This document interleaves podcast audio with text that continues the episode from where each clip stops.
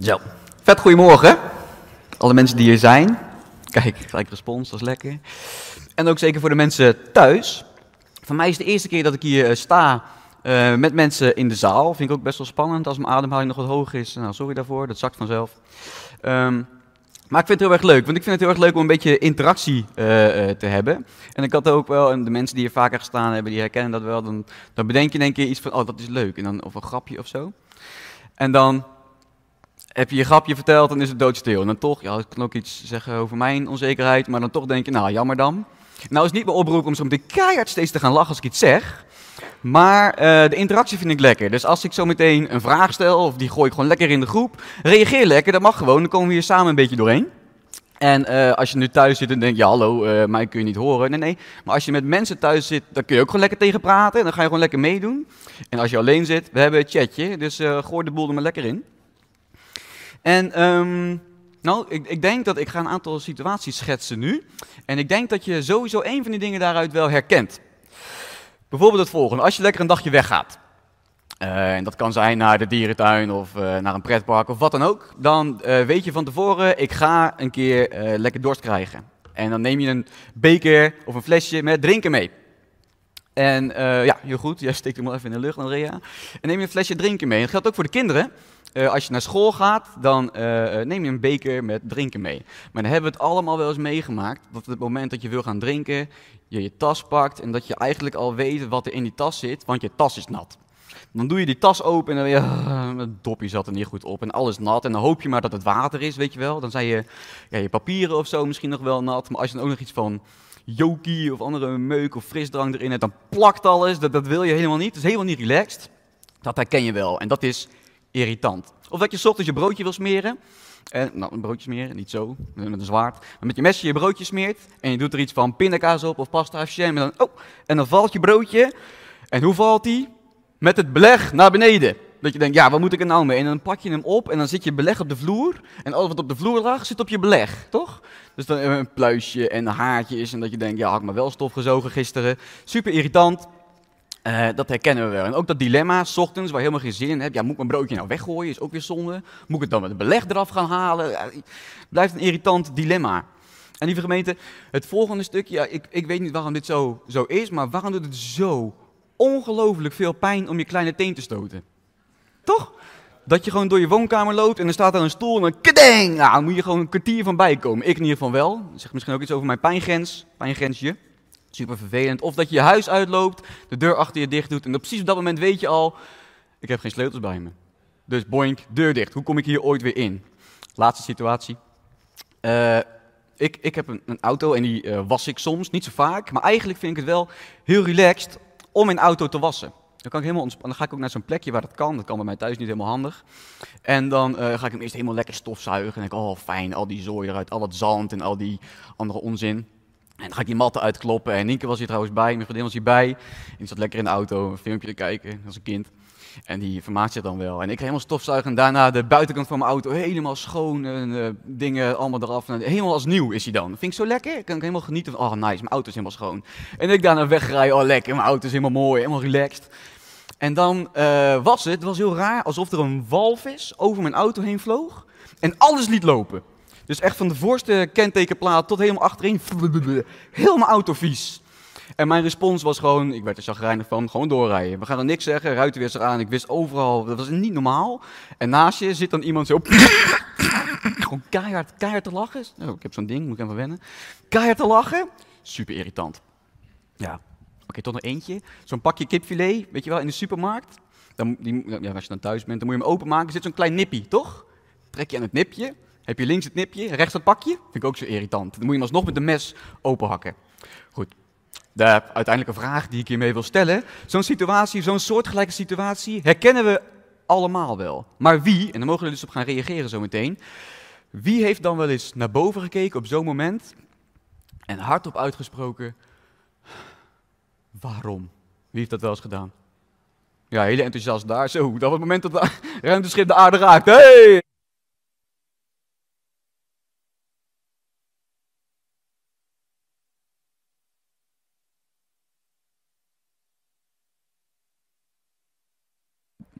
Mijn batterij is op. Nou, mijn batterij is helemaal vol hoor.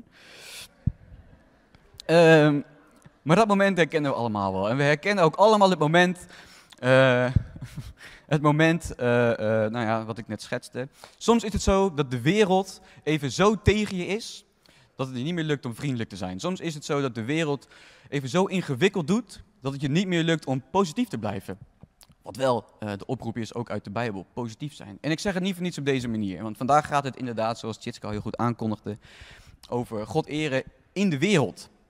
En we sluiten vandaag met z'n allen het thema leven in eh, aanbidding af. En leven in aanbidding sluiten we af. En het gaat over God eren, maar dus specifiek God eren in de wereld.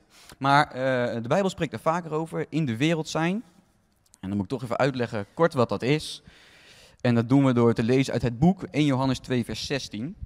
Moet ik even via mijn telefoon erbij pakken. Ik heb nog geen hand meer vrij, dus het is voor mij ook eventjes wennen. En dan staat het volgende. Volgens mij wordt die geprojecteerd ook.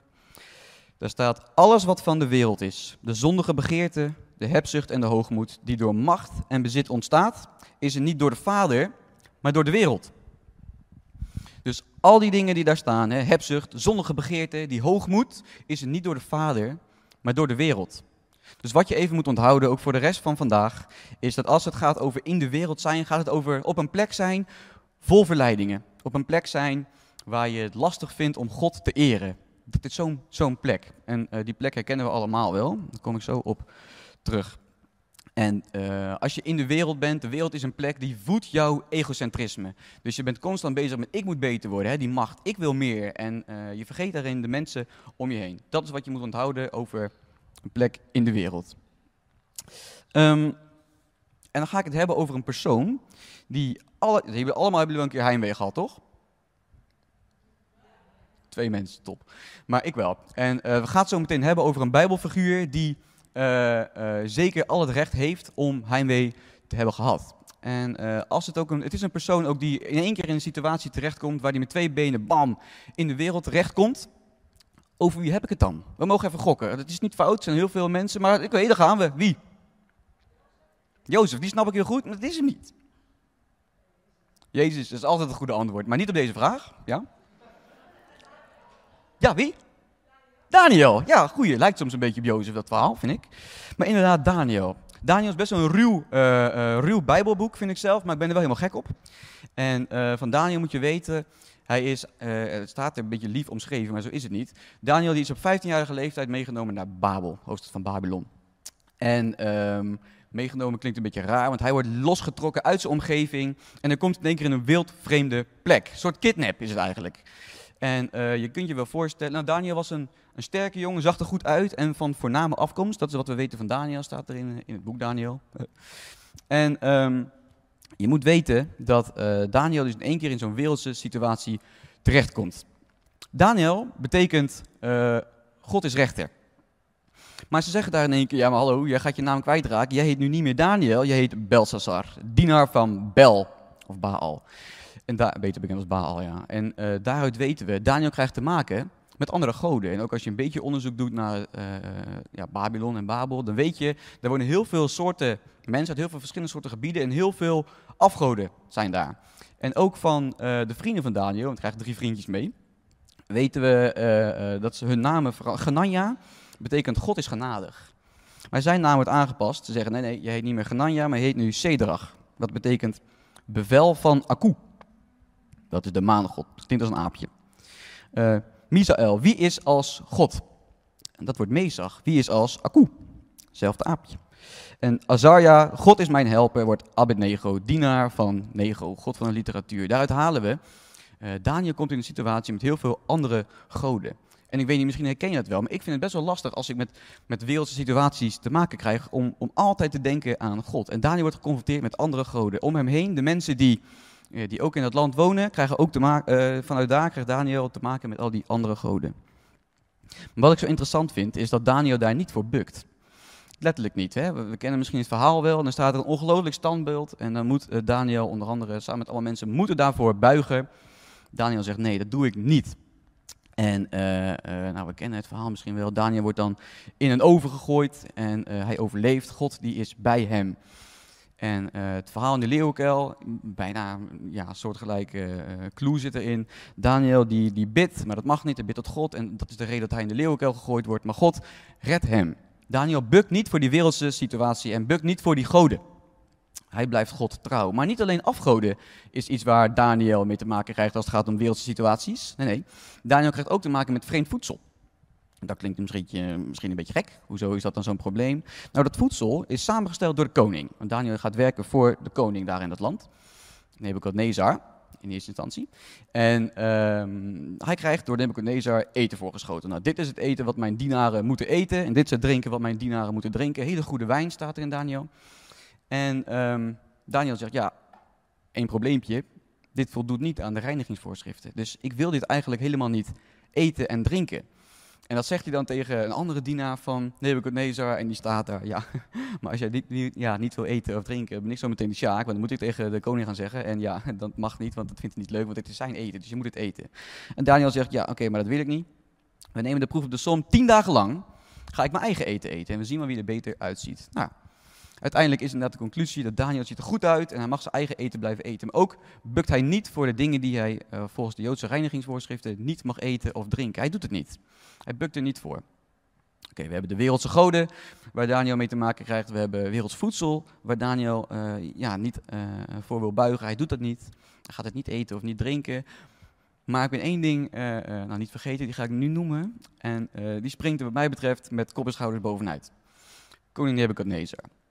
Als er iemand in de wereld of in de Bijbel staat, die weet wat het is om met beide benen in de wereld te staan en zich er volledig aan over te geven, koning Nebukadnezar. En ik durf u eigenlijk zonder schaamte te zeggen dat koning Nebukadnezar was niet helemaal goed bij zijn kopie. En daar heb ik ook wel wat redenen voor. Hij had ten eerste een gigantisch groot ego. We kennen het verhaal, ik zei het net al, hij heeft een gigantisch beeld laten maken van zichzelf. Wat ik al bijzonder vind, maar ga je gang. En uh, wat we ook van hem weten, is dat koning Nebukadnezar, die... Um, uh, wat was het tweede voorbeeld nou? Iemand? Nee. Koning Nebukadnezar die heeft een gigantisch beeld van zichzelf laten maken. En uh, alle steden die hij liet maken, alle steden die hij liet maken, liet hij gebouwen maken. En de stenen van die gebouwen moesten allemaal zijn naam opstaan. Dan heb je een behoorlijk ego, toch? Twee, hij liet zichzelf aanbidden. Hij verhief zichzelf eigenlijk tot God. Hij vond zichzelf dus heel erg belangrijk. En ehm, Drie, het was een behoorlijke driftkikker. Hij liet voor het minst of geringste uh, mensen in stukken hakken, complete families uitroeien en huizen afbranden. Hij was een behoorlijke driftkikker dus. En hij had een behoorlijke expansiedrift. Dat betekent dat hij een ongelooflijk groot rijk wilde. En dat heeft hij ook prima voor elkaar gekregen. En uh, ja, door zijn bedreigingen behield hij er ook een aardige angstcultuur op na. Je kunt je wel voorstellen als dit de man is die Daniel moet dienen, dat Daniel dan wel denkt van, oh, heer, waarom moet ik deze man dienen? Deze wereldse koning. En volgens mij heeft Daniel al het recht om op een gegeven moment naar boven te kijken en hardop te zeggen: waarom? Waarom moet ik deze, God, uh, deze koning dienen en waarom moet ik in deze situatie terechtkomen? Het enige wat ik wil, vader, is u dienen, mijn God, maar ik kom in deze situatie terecht. Waarom? Waarom moet het mij zo moeilijk gemaakt worden? Daniel is dus in de wereld. En ik wil dat jullie even nadenken, ook zeker dus de mensen thuis. Denk eens na over een plek waar jij het lastig kan vinden om verleidingen te weerstaan. Een plek waar jij het lastig kan vinden om God te eren. dat kan zijn thuis, dat kan. Het kan zijn bij je buren, op je sportclub, bij je vrienden. Ik vond het vroeger als uh, kleine jongen, wat ik nog steeds dus een beetje ben, uh, lastig om bij mijn vrienden altijd de persoon te zijn die ik wilde zijn. Toch? Als tiener kan het echt ingewikkeld zijn om niet uh, mee te gaan met alle verleidingen die jou geboden worden vanuit de wereld. Maar denk eens even aan een plek die voor jou zo is. Verleidingen die moeilijk te weerstaan zijn. Welke plek is dat voor jou. En dan ga ik iets zeggen wat misschien een beetje gek klinkt, maar zeker niet gek is. Jij mag in de wereld zijn. En we hebben net het voorbeeld gelezen vanuit Daniel, die is dus ook volledig in de wereld, maar je mag dus in de wereld zijn. En dan heb ik een vraag. En er zitten mensen van het leiderschapsteam in de zaal, die deze vraag gaat beantwoord worden. Um, wie van jullie weet wie het vierde hoofdstuk uit het boek Daniel geschreven heeft?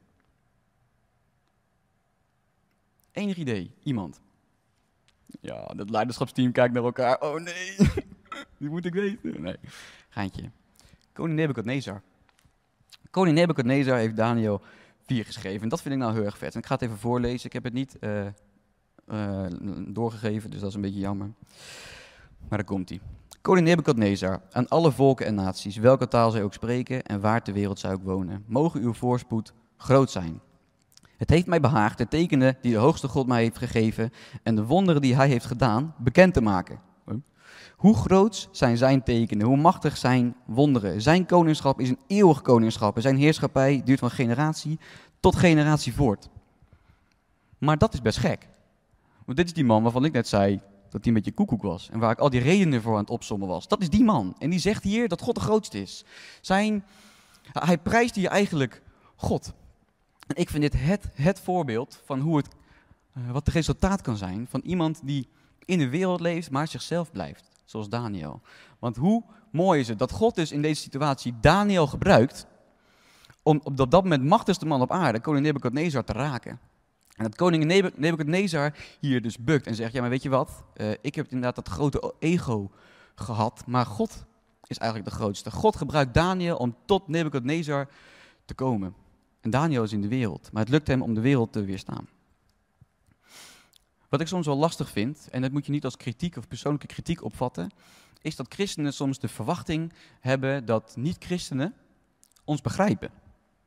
Ik kan me namelijk, en dat klinkt een beetje raar, dat weet ik wel. Ik kan me namelijk best wel goed voorstellen dat niet-christenen ons niet kunnen begrijpen. Toch? Ze gaan elke zondagochtend naar zo'n doos en dan gaan ze daar een beetje zitten en hun ding doen. Maar waarom? Ik heb geen idee. Ik kan me dat wel voorstellen. En um, ik vind het ook jammer, wel eens, dat, dat wij dan wachten met, met van nou, ze moeten naar ons komen. Terwijl, wat ik net zeg, je mag in de wereld zijn. Dus bedenk je eens een situatie, uh, hebben we ook allemaal wel eens meegemaakt dat je op een plek bent waarvan je denkt, dit is geen fijne plek. Dit is geen goede plek voor mij om te zijn. Deze plek, ik ben hier bijvoorbeeld bij mijn vrienden en die doen eigenlijk dingen die ik niet wil. Of ik zit met collega's die dingen zeggen, of ze vloeken, of weet ik veel wat, en dan voel ik me niet fijn bij. Maar ook daar geldt, je mag daar zijn. Het is niet erg dat jij daar bent. Het is niet erg dat jij op die plek bent. Je mag dus op die plek zijn. En uh, dit wil ik heel graag met jullie lezen, Johannes 17, en dat gaat daarover. Johannes 17, vers 13 tot en met 14 gaan we dan lezen. En uh, ik ben heel enthousiast over dit uh, Bijbelboek, over dit, ja, sowieso over Johannes, maar ik bedoel dit hoofdstuk. Jezus bidt hier, wat op zichzelf al best bijzonder is. Hè? Jezus, God op aarde, die bidt tot God. Dat zegt iets over hoe menselijk hij was. Hè? Zelfs hij als mens, die bidt tot God en heeft God nodig. En in vers 9 staat nog het volgende, ik bid voor hen. Ik bid niet voor de wereld, maar voor de mensen die u mij hebt gegeven. En dan lezen we vanaf vers 13. Dit, dit bidt Jezus dus. Nu kom ik naar u toe. En ik zeg dit terwijl ik nog in de wereld ben. Opdat zij vervuld worden van mijn vreugde. Ik heb hun uw woord gegeven. De wereld haat hen omdat ze niet bij de wereld horen, zoals ik ook niet bij de wereld hoor. Ik vraag niet of u hen uit de wereld weg wilt nemen, maar of u hen wilt beschermen tegen de duivel. Ze horen niet bij de wereld, zoals ik niet bij de wereld hoor.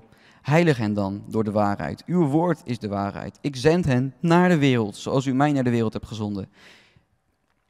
Ik heb mij geheiligd omwille van hen. Zo zullen ook zij door de, wereld, door de waarheid geheiligd zijn.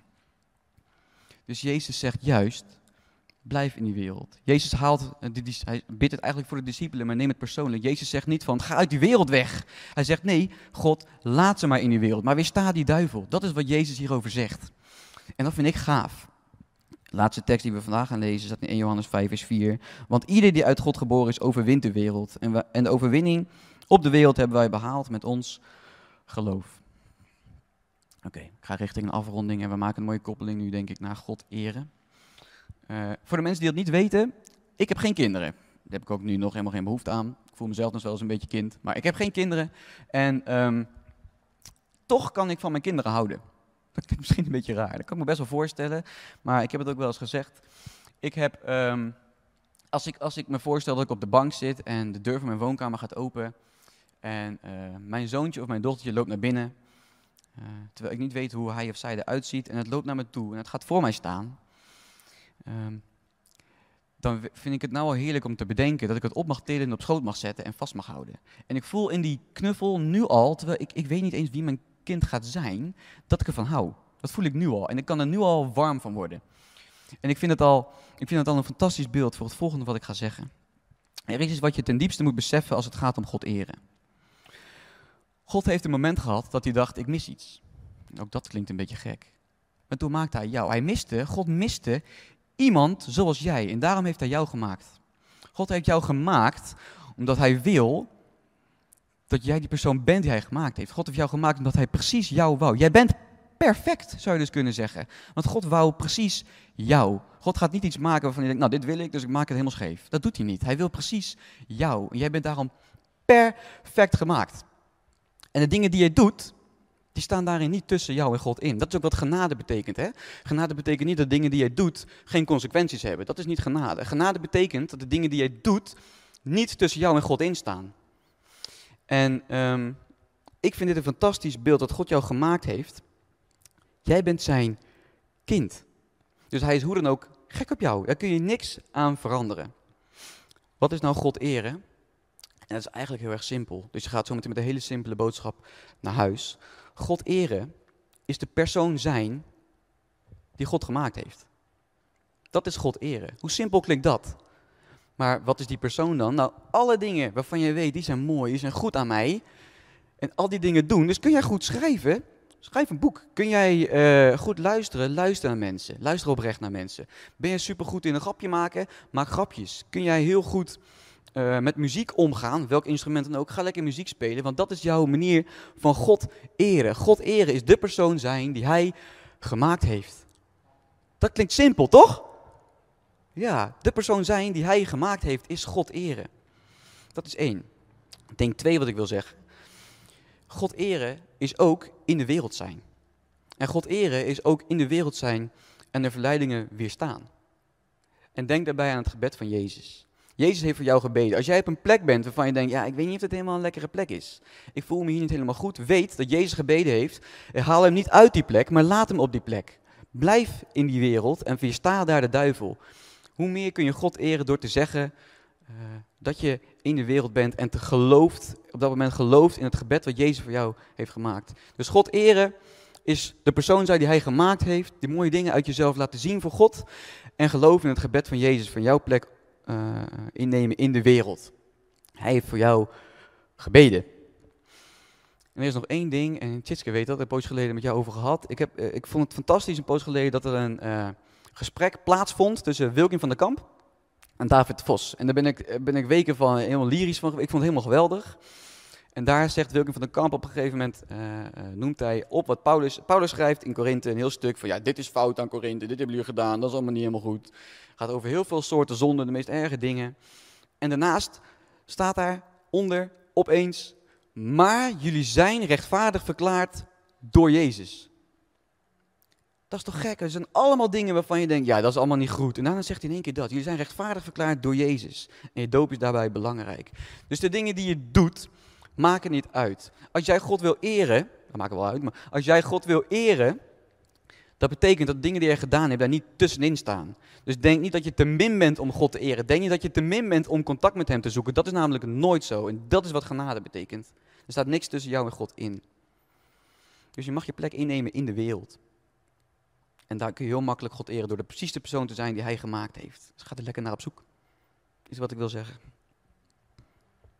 Nou, dat is inderdaad wat ik wil zeggen. Ja. Dit was mijn spreekbeurt. Zijn er nog vragen?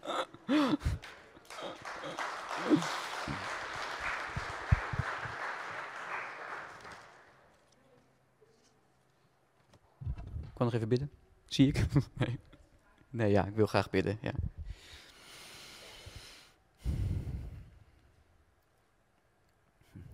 Ja, Heere God, bedankt dat we hier uh, live mogen zijn in de zaal met een grote groep mensen. En bedankt dat er zoveel mensen zijn die we nog kunnen kijken. Heer, bedankt dat dat allemaal weer mag en allemaal weer kan. En dat u in de periode uh, waarin wij hier geweest zijn, uh, met weinig mensen, dat u eigenlijk ook altijd was. En dat daarin niks veranderd is. Dat u hetzelfde bent geweest, Heer. En ik vind het zo gaaf dat ik mag bidden. en dat ik daarin ook mag weten dat u, Jezus, dat ook ooit gedaan heeft. U heeft ook gebeden en u bad voor ons. En dat vind ik een hele bijzondere gedachte. Uh, en Heer, dat, dat, maakt weer zo duidelijk, Jezus, dat u, dat u mens bent. En dat u hier bent geweest echt als mens, echt uzelf gekleineerd heeft, klein gemaakt heeft. En ik dank u dat u dat gedaan heeft, dat u zo'n goed voorbeeld bent. En ik dank u dat, uh, dat wij in die kracht mogen gaan staan, dat wij mogen geloven dat u voor ons gebeden heeft. Heer, hoe sterk is die kracht? Heer, help ons, uh, ook zeker in deze week weer, om, om te zijn op plekken uh, waar wij nodig zijn. Dat wij mogen weten, oké, daar mogen wij zijn. Wij mogen op die plekken zijn waarvan we eigenlijk ook wel eens denken van oeh, ik wil weg hier of ik schaam of wat dan ook. Nee, wij mogen op die plekken zijn. Dat we dan mogen beseffen dat u op zo'n moment voor ons gebeden heeft, Heer. Heer, en help ons ook beseffen dat wij u kunnen eren door precies de persoon te zijn die u gemaakt heeft. Laat ons ook zien wie wij zijn, Heer. In ons diepste, diepste wezen. Heer, uh, bedankt dat ik hier mag staan in deze gemeente. En bedankt dat u ook helemaal gek bent op de schuilplaats, net als ik. En uh, bedankt dat u helpt met bouwen aan deze gemeente. En dat u zo aanwezig bent geweest. Ook in de periode dat uh, hier weinig mensen mochten zijn. Heer, daarin bent u gelukkig niet veranderd. Dank u wel. En ik wil nog bidden voor het muziekteam. Dat zij het laatste nummers, of het laatste nummer wat zij gaan spelen, mogen spelen en zingen in overgave. En dat u daarin ook aanwezig bent. Amen.